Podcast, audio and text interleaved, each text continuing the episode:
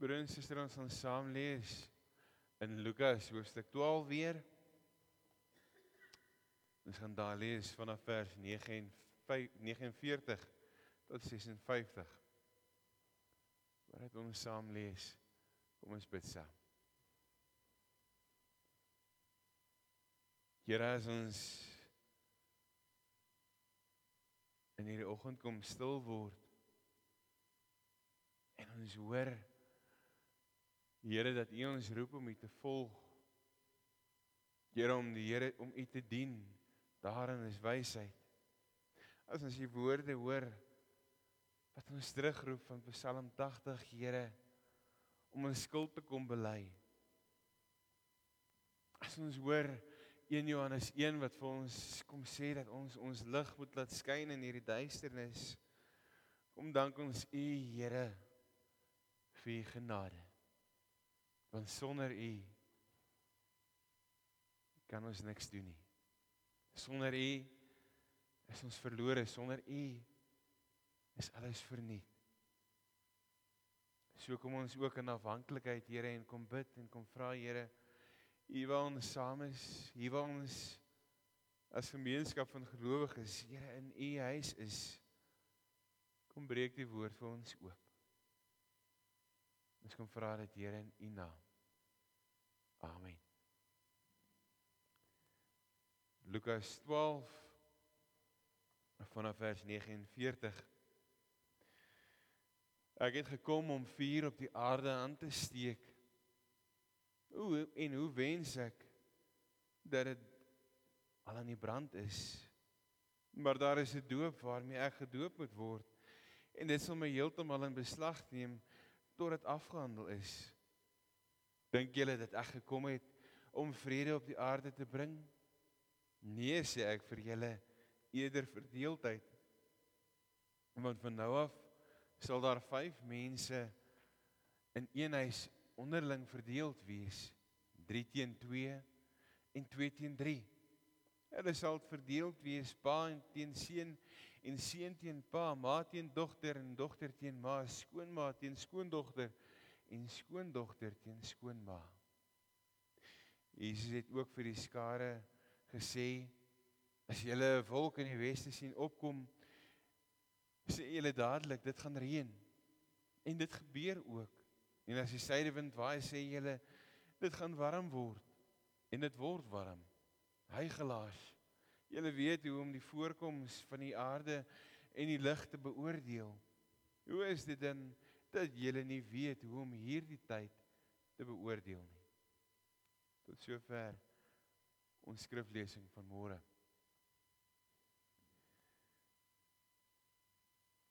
Hierdie prentjie is op want ek weet nie heeltemal hoe om hierdie uit te beeld nie, maar die mees onwaarskynlikste ding waaraan jy al ooit kon dink, wil ek graag hê jy moet vir 'n oomblik saam met my aan dink. As ons dink byvoorbeeld aan tieners, dink ons baie keer en dit sal die mees onwaarskynlike wees wat 'n tiener vir sy of haar ma sal sê, is dat hierdie tiener so by sy ma sal kom vir hom en vir haar sê: "Ma, dink regtig dat ek nog nie volwasse genoeg is om eers teen middernag by die huis te kom nie. Ons moet die aandklok reël so bietjie vroeër maak. Ons by 'n ontvangsdame kom by 'n besige dogter, by 'n besige dokter. En ons weet as ons nou hier instap, gaan ons seker vir 'n goeie 3 kwart uur wag. En die ontvangsdame sê vir jou meneer of mevrou gaan reguit hier die dok dokter is al reeds besig om vir jou te wag. As ons dink aan ons karre wat stikkend is of baie keer breek. En jy weet maar hoor hierdie hierdie part gaan jou 'n paar rand kos en hierdie werk wat voor lê gaan jou 'n klompie geld kos en jy kom by die motorwerktuigkundige en hy sê vir jou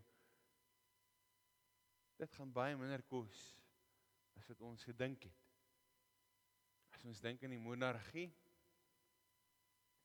kom ons sê byvoorbeeld dis nou koning Charles sê maar hy stel voor dat die monargie beëindig word. En uiteindelik is ons by hierdie gedeelte wat ons lees.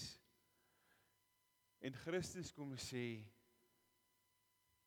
ek het gekom om vuur op die aarde aan te steek.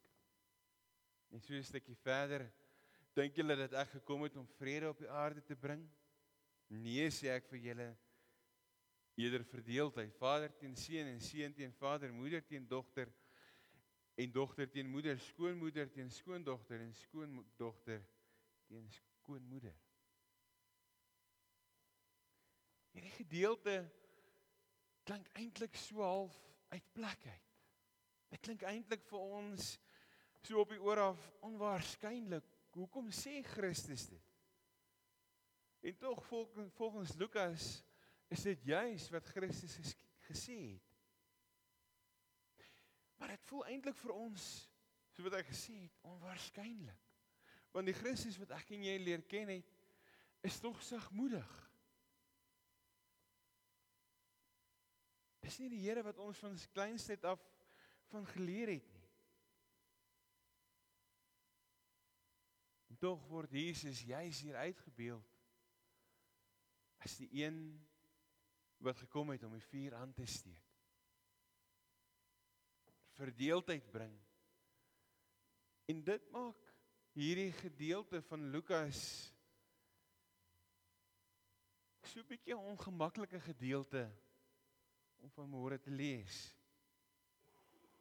En as ons hierdie gedeelte in konteks sit van waar hy staan, sien ons dat dit mooi in die middel val van die Lukas Evangelie. En ons vind 'n lang beskrywing van Jesus se laaste reis na Jerusalem en die materiaal van dit wat die ander evangelies baie keer nie voorkom nie. En hierdie gedeelte bestaan hoofsaaklik uit Jesus wat vir sy volgelinge kom onderrig. Was die wonderwerke regtig wat plaasvind nie? Maar as ons hierdie Lukas Evangelie deurlees, kom jy eintlik agter hoe die verteller vir ons kom aanmoedig om dit wat Jesus vir sy volgeling geleer het self op 'n manier te aanvaar, te besef maar dat dit Christus is wat aan die woord is. En Christus wat ons help om reg te onderskei.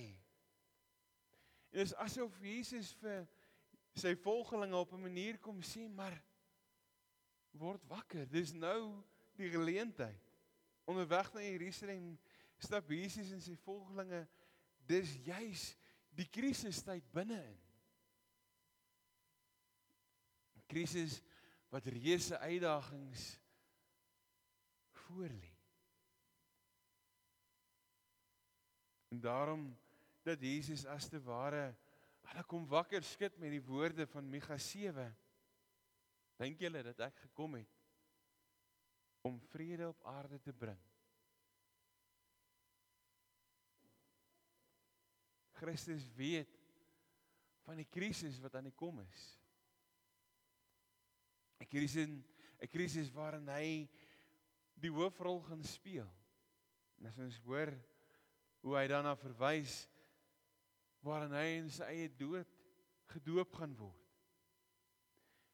En die interessante is dat hy eintlik verbaas is dat die volgelinge by wie hy staan, die persone met wie hom die heeltyd hom gevolg het, eintlik dit nie raak sien nie. Dat hulle eintlik blind is vir dit wat aan die gebeur is. Hulle wêreld volgens hulle optrede het nog nie verander nie. Daar's nog niks anders wat plaasgevind het nie. Alles is maar net op dieselfde trant besig. En dan kom sê Christus vir hulle vir hulle maar hulle is goed om die weer te voorspel. Tog sukkel hulle om dit wat rondom hulle gebeur raak te sien. Hulle sien nie raak wat gebeur nie. Die Romeinse regering, die Herodes se onderdrukking, die ryk van die arrogante hoëpriesters as jy dit so wil noem. Die valse agendas van die fariseërs. Te midde van alles, Jesus die Messias wat gekom het. Jesus die Christus wat genesing bring. Wat siekes gesond maak. En sy volgelinge besef nie dat daar 'n tydstip aangebreek het wat alles verander. Die feit dat Jesus op pad is na sy dood in Jerusalem verklaar dan juis ook hierdie dringendheid in sy onderrig as ook die uitnodiging mense om hom te volg. As ons dink aan die opinie van destyds was dit juis dat die wanneer die Messias gaan kom dat hulle as Joodse nasie seëvierend gaan wees. Daar gaan 'n uittog wees, daar gaan 'n oplewing wees. Daar gaan 'n onaantastbare moment wees waar hulle as Joodse volk die triomf tog wat voorlê kan aanvoel kan aangryp. Dan kom sê Christus maar hy bring nie vrede nie. Hy bring verdeeldheid.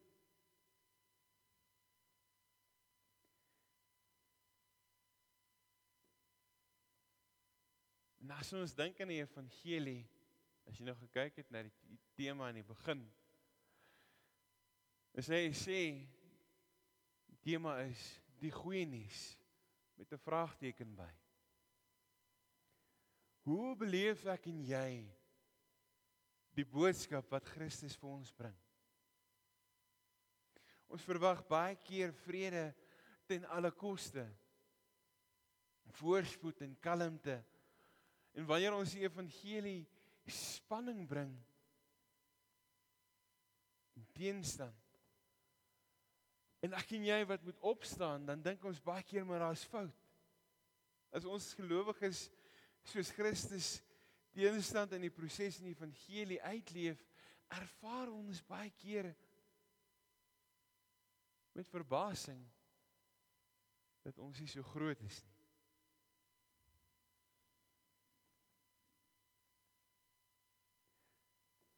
Die boodskap van verlossing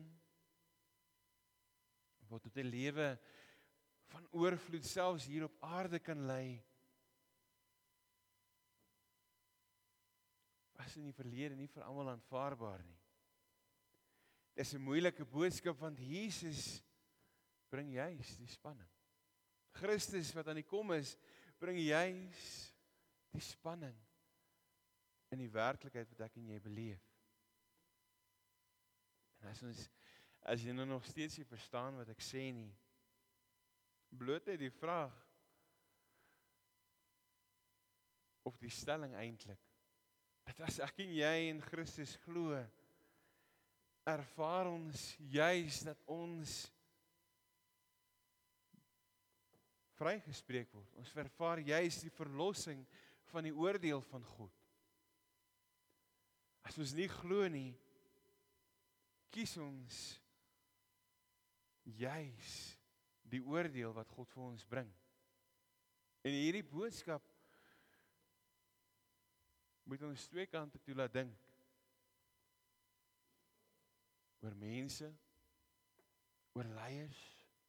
As ons praat oor eensgesindheid, dan kan ons nie praat oor eensgesindheid sonder die kennis van die waarheid nie. En die waarheid is juis Christus wat aan die kom is, is juis Christus wat vir ons die verlossing bring. En Jesus roep hierdie skare op om die tekens van die tyd te beoordeel en self te besluit wat die regte ding is om te doen. Hulle moet self die besluit maak tussen die lering wat hy bring en die lering van die Fariseërs en dit beoordeel en sê maar Wat glo ons in hierdie tyd wat ons in is?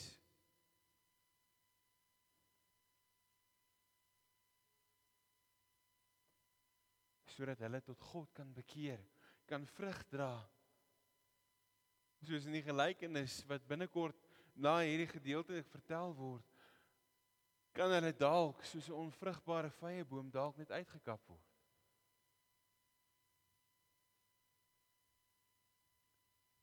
En dan kom die vraag, maar wat beteken hierdie waarskuwing vir my en vir jou 2000 jaar later? Is ek en jy as gelowiges nog steeds op pad? Lees ons nog steeds die tekens wat rondom ons gebeur? Of kyk ons so vas in ons eie probleme, ons eie krisisse.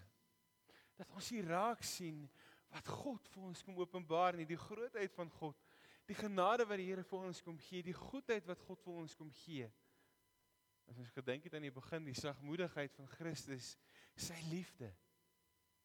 sien ons dit nog raak? Beleef ons dit of het dit net so algemeen geraak dat ek en jy nou net daarmee verlief nie?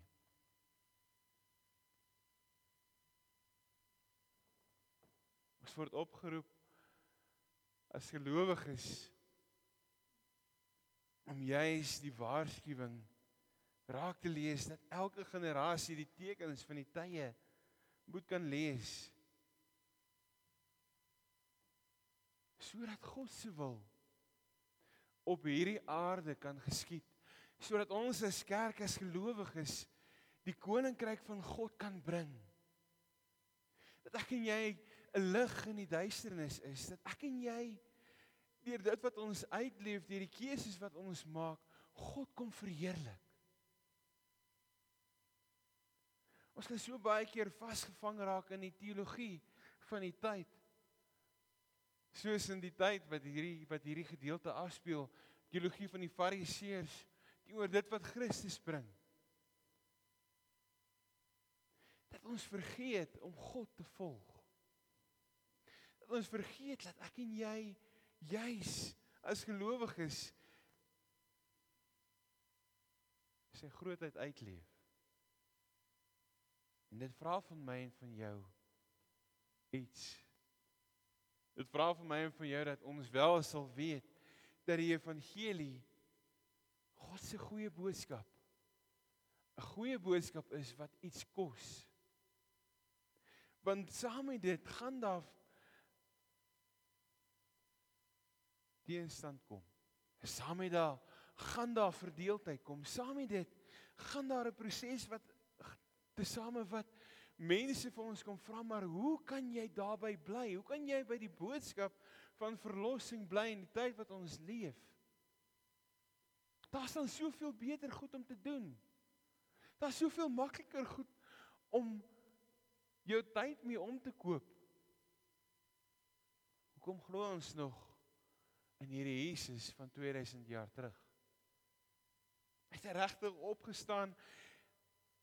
Broer en suster, as ons dit vir mekaar sê, as ons dit vir mekaar begin as ons begin uitleef dit wat ons glo, dit wat God se woord vir ons leer. Wat die verskil? Gaan ek en jy maak? Hoe helder gaan ons lig wees in 'n donker wêreld. Mag ons dit leef. Mag ek en jy daarby uitkom wat God vir my en vir jou kom sê, maar ek stuur julle in hierdie wêreld in met 'n boodskap van onrus, met 'n boodskap van verdeeldheid sodat mense hulle self terugdraai na my toe. Mag ek en jy dit leef. Amen. Kom ons sluit die oë. Dan bid ons saam. Here, dankie Here dat ons hier kan wees. Here, dat die evangelie u woord ons oproep, Here, om ook op te staan vir u.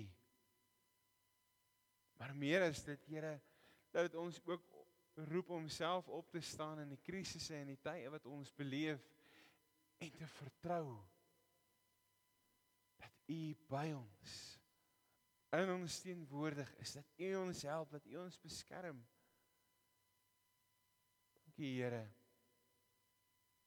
vir U groot genade. Gee vir ons die krag, Here, om dit ook uit te leef. Die teenstand wat ons mag beleef, Here, mag ons dit tromp oploop. Mag ons binne in die krisis in loop sodat U koninkryk kom. Ons kom vra dit, Here, in U naam. Amen.